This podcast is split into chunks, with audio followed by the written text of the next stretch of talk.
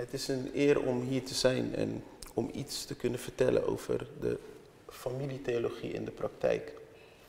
Maar voordat we daar naartoe uh, kunnen gaan, denk ik dat we eerst het verhaal misschien nog iets moeten verlengen wat, waar dominee Klaas is geëindigd. En dat is dat die mooie en machtige koningin, Victoria, aan de deur klopte bij haar man. En die koningin Victoria die had een hele hoop macht. En ze kon eigenlijk pas naar binnen toen ze haar macht aflegde en besefte dat ze werkelijk bij haar man moest horen. Als u hier bent en u heeft nog nooit aan het avondmaal deelgenomen. Als u hier bent en u kent de Heer Jezus Christus nog niet, dan kunt u hier zitten en wellicht uur naar uur naar geweldige boodschappen luisteren. Van een van mijn grote voorbeelden bijvoorbeeld, dominee Klaas, waar mijn kinderen zelf ook naar luisteren. Maar het zal u niets goeds doen. Het zal u niets goeds doen. En na dat gezegd te hebben, wil ik tegen u zeggen dat als u vandaag uw macht aflegt, als u beseft dat u ziek bent, als u beseft dat al die pracht en praal de deur niet opent, dan wil ik u werkelijk vandaag vragen, leg alles af. En besef dat Hij heeft gezegd, en ieder die tot mij komt, zal ik geen zins uitwerpen. Na dat gezegd te hebben, wil ik graag overgaan naar, naar het gedeelte van de lezing. En dat begint met een verhaal. Kort verhaal hoor, hoef niet bang te zijn. Maar het verhaal begint met twee vrouwen. Die zijn afgestudeerd aan de universiteit. Cum laude. In Amerika. En ze worden voorgesteld aan de gemeente. Als geweldige vrouwen die het heel goed hebben gedaan. Die vanaf kinds af aan in de gemeente zijn en nu als het ware hun studie eindelijk hebben afgerond. En de eerste vrouw, die komt dan uh, naar voren. En er wordt van die vrouw gezegd, u heeft een geweldige cum laude opleiding uh, afgerond. Wat, wat, wat gaat u doen? En die vrouw zegt, nou, ik heb gesolliciteerd bij een soort KPN, een telecommunicatiebedrijf. En ik word vicepresident daar. En de gemeente is daar zo blij mee. En, en, en, en wat nog meer? Ja, ik weet het niet. Reizen. Misschien een man over een paar jaar. Maar, maar ik ga eerst werken. Ik ga eerst doen wat ik leuk vind. En de gemeente is daar blij mee. Dan komt de tweede vrouw. En u? En de tweede vrouw zegt, ik ga moeder worden. Ik ga op aanzoeken van een man misschien in. Ik wil kinderen krijgen. Want ik heb altijd van mijn ouders geleerd dat dat het beste en mooiste doel is in God. En de gemeente doet dit. En dat is de realiteit van vandaag. En het gaat hier niet alleen maar om evangelische kerken. Maar in allerlei soorten denominaties zien we hetzelfde verschijnsel terug.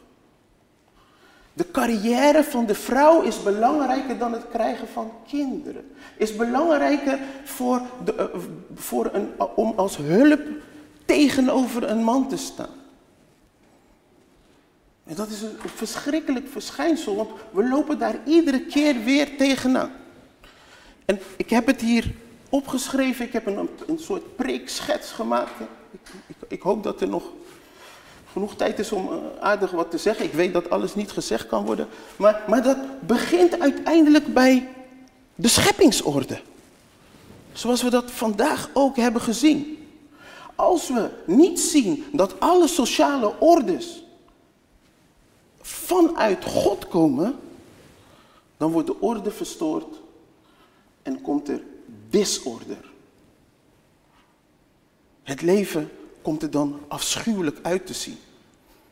En, en, wat ik dan direct wil zeggen, voordat ik het vergeet, is dat de ordes overal terugkomen. De ordes komen terug in de natuur. Drie soorten kleuren, de basiskleuren.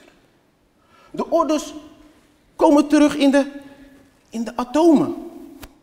U kent ze wel, hè? De, de ordes komen terug in stoffen. Vloeibaar. Gas. En de ordes komen terug in Gods gezin. Vader, moeder en kinderen. In een eenheid. Er is altijd eenheid in verscheidenheid. En als we op de een of andere manier die eenheid in verscheidenheid, als we daar iets van losrukken, dan hebben we het zicht op God verloren.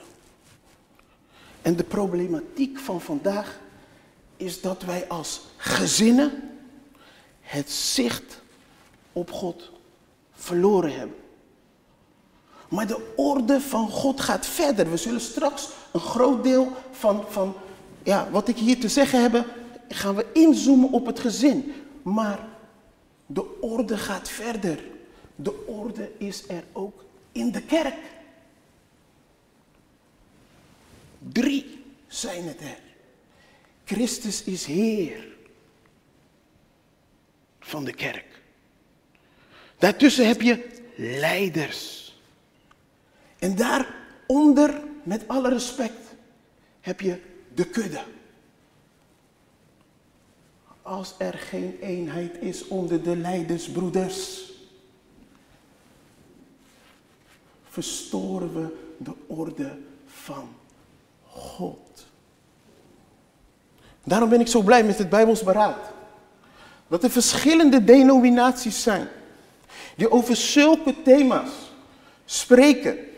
En mijn gebed vandaag is dat we, ik heb altijd geleerd dat als ik preek of iets zeg, dan moet ik altijd weten welk publiek ik voor me heb. Maar dat we als eerste beseffen dat als er geen eenheid is in de kerk en in de leiders van de kerk, dan verstoren we met z'n allen de orde van God.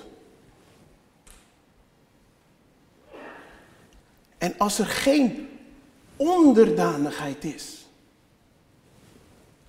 ten opzichte van de kudde naar de leiders, verstoort u de orde van God. Ja, en ik heb het woordje nu genoemd, hè, onderdanigheid. Onderdanigheid. Als ik een vergrootglas had, dan zou ik misschien wat kippenvel zien, hè? wat haren die recht overeind staan. Maar dan is het beeld van God kwijtgeraakt bij u. Net zoals dat beeld van God is kwijtgeraakt in de natuur. Want als wij opnieuw kijken naar de orde van God, die er vanaf eeuwigheid was, dan zien wij daar. Dan zien we daar dat onderdanigheid een glorieus daad is van God. Als Christus, zoals dominee Klaassen het zo heeft afgespiegeld. Ik, ik kan het zeker niet beter dan hij. Als hij het zo mooi heeft afgespiegeld, dat, dat onderdanigheid een joy behoort te zijn. Moeten wij dat dan niet als leiders laten zien ter ere van Christus? Moeten wij dat dan niet laten zien als vrouwen ter ere van onze man? Moeten wij dat dan niet laten zien als kudde ter ere van onze leiders? Om uiteindelijk de weerspiegeling van God te mogen weerspiegelen hier op aarde. Gelijk in de hemel. Zoals ook op aarde. Nou, wat ik ga doen, we hebben een, een, een, een, een multiculturele gemeente. Waarin we eigenlijk deze zaken fundamenteel leren aan elk mens of elke christen die lid wil worden. Nou, ik zal beginnen om iets te zeggen van, ik denk, bijbelse verkering. Want als wij niet goed het huwelijk binnengaan, kunnen wij onze bijbelse man of onze bijbelse vrouw, kunnen wij niet goed laten zien in het huwelijk. Daarna zullen we gaan naar de bijbelse man. Ik zal wat tijd, ik zal wat uh, de bijbelse vrouw overslaan, zodat mevrouw daar misschien iets meer over kan vertellen. En ik denk dat dan ook belangrijk is de bijbelse opvoeding. Maar laten we snel gaan naar de, naar de bijbelse verkering. We hebben ongeveer 14 preekseries gehouden over dit thema en, en er was heel veel geroezemoes in de kerk. Maar nu we deze ochtend deze lezingen gehoord hebben, voel ik me als een vis in het water. Want alle dingen die eigenlijk zijn gezegd, die, die hebben we in de prediking ja, meegenomen. Anticonceptiebeleid en dat soort zaken. Nou, maar, maar laten we beginnen bij bijbelse verkering. En dan wil ik u direct schetsen wat er vandaag de dag gebeurt. Met de illustratie. U heeft een geweldige auto. Laten we zeggen een Ferrari. Ja, en nu komt een 17-jarige jongen. Die komt naar u toe. En hij zegt, mag ik uw Ferrari lenen? Ik weet zeker dat u nee zegt. Ik weet het zeker. Want die 400.000 euro gekoste Ferrari, die zult u zeker niet uitlenen aan een snotneus van 17 jaar. Maar wat er vandaag de dag gebeurt is nog veel erger. Uw 17-jarige dochter laat u wel meegaan. En dat is een ernstige zaak. Een ernstige zaak. En, en wat wij daarover hebben gezegd, is dat de hele datingcultuur niet voor een christen is. Het kan niet dat de datingcultuur overal in alle denominaties van de gemeente naar binnen is geslopen. En, en wat ik u zou vragen als leiders, hè, nu u dit heeft gehoord. Is het mogelijk vanuit de orde van God, vanuit de eenheid van de gemeente, dat we gaan beraadslagen hoe wij onze jongeren een bijbelse man of een bijbelse vrouw gaan aanbieden door mee te kijken in hun courtship? Ik vind verkering geen mooi woord. In hun courtship. Dat u als ouderling samen met de ouders meekijkt of de relatie sterk genoeg is om te trouwen. In plaats dat we onze jongeren meesturen met allerlei dating sites, met allerlei problemen van die. Dat is een vraag wat ik u wil stellen. Misschien kunt u het meenemen in de aantekeningen. Maar dat is iets belangrijks. Want wij hebben jonge mensen die van God houden, die van de Heer Jezus Christus houden, maar geen partner kunnen vinden. En waarom niet? Zeker als ik over vrouwen praat. Die mannen zijn zo slap. Slappe mannen. Vrouwelijk. Feministisch. Zelfs, zelfs op de kansel gebruiken ze als het ware een roze bijbel. We moeten vooral gevoelig zijn naar onze vrouwen toe. Dat is de, dat is de manier zoals er nu gekeken wordt naar een man. Maar dat is geen man. Een Bijbelse man is veel krachtiger. Een Bijbelse man die weet zijn vrouw en zijn gezin te onderhouden. Een Bijbelse man is een man zoals er vanmorgen is gezegd. Een man die zijn leven kan overgeven voor zijn vrouw.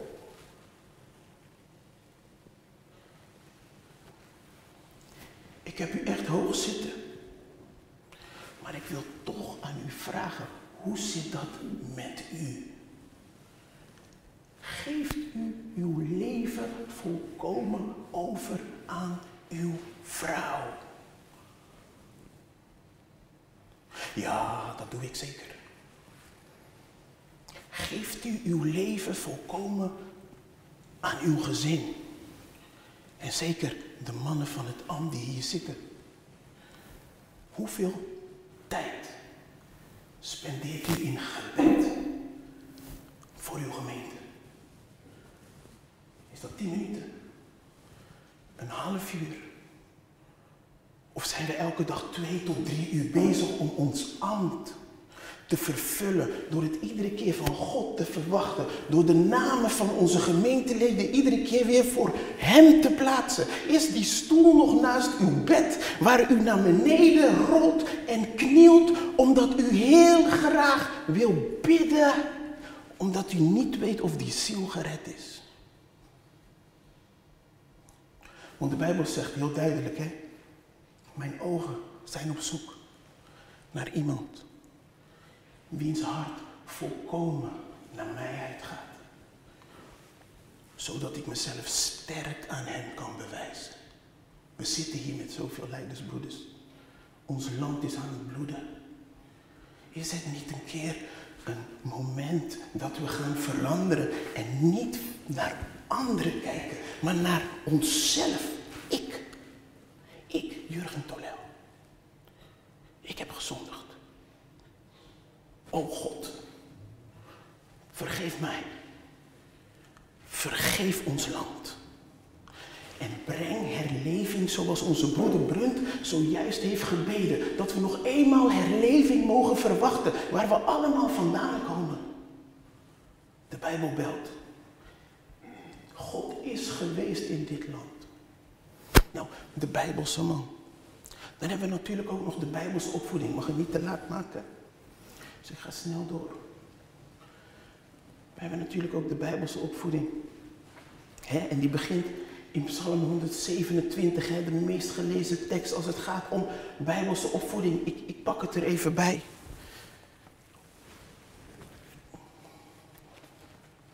Bijbelse opvoeding.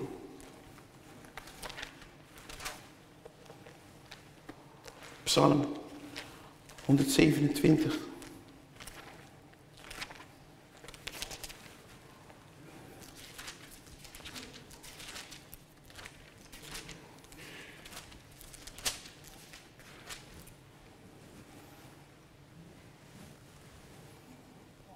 Zie.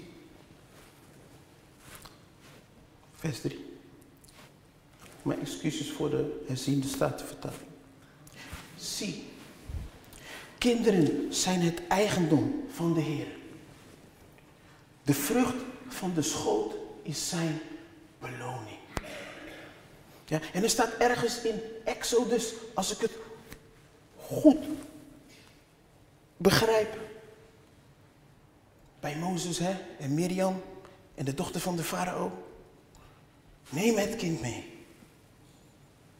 Voed het op. En nadat het gespeend is, breng het terug. Kinderen zijn het eigendom van de Heer. En, en, het belangrijke van opvoeding, en dit is, dit is mijn verlangen, hè, dat u een ziel heeft, dat u een verlangen krijgt om uw gemeente op te bouwen in de gezinstheologie. Zoals we dat ook geleerd hebben met onze gemeente. Hè? Even tussendoor hoor. Ik mag niks vergeten. U ziet het. Ik, ik, ik kijk niet op mijn aantekeningen. Hieruit hebben wij onze gemeente toegerust. A theology of the family. En hierin wordt 400 jaar reformatie veel artikelen van de beste Puritijnen. Die worden in deze bundel samengevat. Broeder Kees Sonneveld heeft hem ook. Geweldig boek, broeder. Maar hierin wordt het samengevat. En als u opnieuw weer gaat kijken naar de mannen op wiens schouders wij staan, dan moet u komen op een plek waar u zegt, wee mij. O Heer, zend herleving, geef opwekking. Dit kan niet meer. De enige, het enige instituut op aarde die ons nog verandering kan zien brengen in dit land, is de kerk. Wij opnieuw als eenheid in Nederland gaan leven, als wij de moeite doen om naar de essentiële zaken te kijken, dan is er nog een mogelijkheid over. Zoals de Bijbel ook zegt in Lucas 18. Zal hij dan nog geloof vinden als hij terugkomt? Maar opvoeding is dus iets wat van God gegeven is. En dan wil ik snel dit stukje opvoeding klaar afmaken. En dan wil ik nog even snel getuigen wat er in onze gemeente is gebeurd. En opvoeding is dus iets wat God gegeven is. Maar, maar dit is zo mooi. Hier staat het. Welzalig de man, vers 5, die zijn pijlenkoker daarmee gevuld heeft. Ze worden niet beschaamd. Wat we ook vaak zien is een anticonceptiecultuur. Ja, maar dat houdt de economie, dat hebben we ook van broeder Zuidam gehoord, hè, dokter Zuidam. Het houdt de economie niet staande. Wij hebben hier 2,1 kind per huishouden nodig om de economie draaiende te houden. En zo zetten wij niet de deur open voor migranten, maar wij moeten de deur openzetten. Dat, dat, is heel belangrijk om vanuit Gods wegen te kijken, want God is nog steeds soeverein in de baarmoeder. En natuurlijk zijn er uitzonderingen. Uitzonderingen daar gelaten. Maar normaal moeten wij hier ook degelijk een standpunt voor innemen als het gaat om opvoeding. Nou, pijlen Zoals pijlen in de hand van een held. Zo zijn de zonen ontvangen in de jeugd. Welzalig de man die zijn pijlenkoker daarmee gevuld heeft. En als laatste wat ik wil zeggen over de opvoeding, ik kan niet lang uitweiden. Als laatste wat ik wil zeggen over de opvoeding, is dat wanneer we werkelijk gaan inzien dat onze kinderen zijn als pijlen die God ons heeft gegeven om op te voeden op zo'n manier dat we ze kunnen uitschieten naar overal ter aarde. Dan gaan wij anders met onze kinderen om. Mevrouw gaat er misschien straks iets over vertellen. Maar dan is family worship, huisgodsdienst, een plicht. En dat is niet tien versjes uit de Bijbel lezen, een mooi gebed opzeggen en amen zeggen. Dat is voorbereiding voor de Bijbelse man. Ochtends vroeg gaan zoeken, goud gaan zoeken in het woord om het jouw kinderen weer mee te geven. Family worship is een must. En als ik nog één ding mag zeggen over de Puritijnen, dan wil ik dit zeggen in de tijd van de Puritijnen, als u geen family worship gaf, als u niet bezig was met huisgodsdienst in uw huis, en dat is minimaal één keer, maar anders twee tot drie keer de Bijbel doorgraven en uitleggen aan je kinderen, zingen en vertellen over wat God heeft gedaan. Als dat niet was in de tijd van de Puritijnen, mocht u niet aan het avondmaal. En daarom is deze boodschap zo.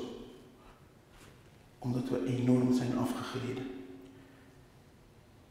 En we moeten ons als collectief bekeren. Als universele kerk van Christus. Nou, wat hebben wij geleerd?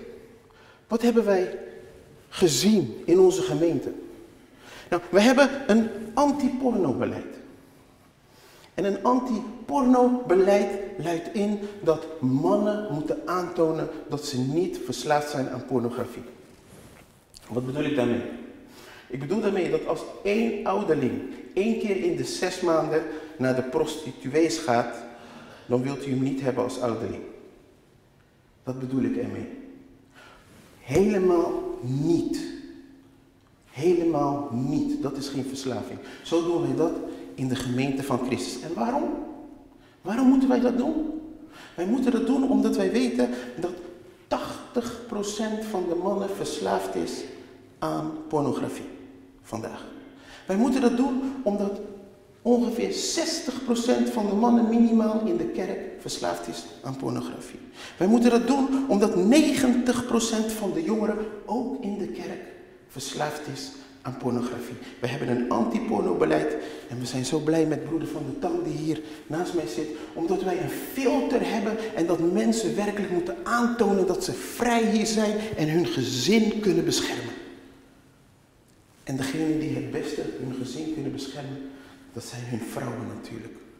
Een vrouw is een waakhond voor het gezin. Geweldig. Een ware hulp. Geen hulpje.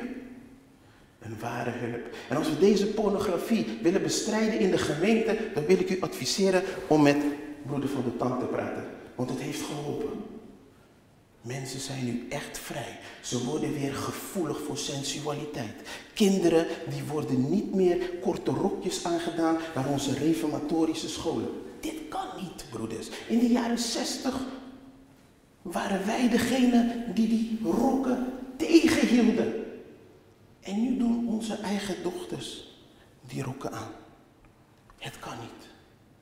Ook hierin moet er een nieuw beleid komen. Want dit is God niet waardig. Dit verstoort de orde van God. Nou, wat hebben we nog meer gezien? We zien baby's in onze gemeente. Mensen die gestopt zijn met anticonceptie. De gemeente dijt uit. Zij het niet met evangelisatie, dan zij het natuurlijk. Een geweldig, een geweldig gevolg van prediking vanuit Gods woord. Een geweldig gevolg van het prediken van de theologie van het gezin zoals God het altijd heeft bedoeld. Nou, tot zover. Amen.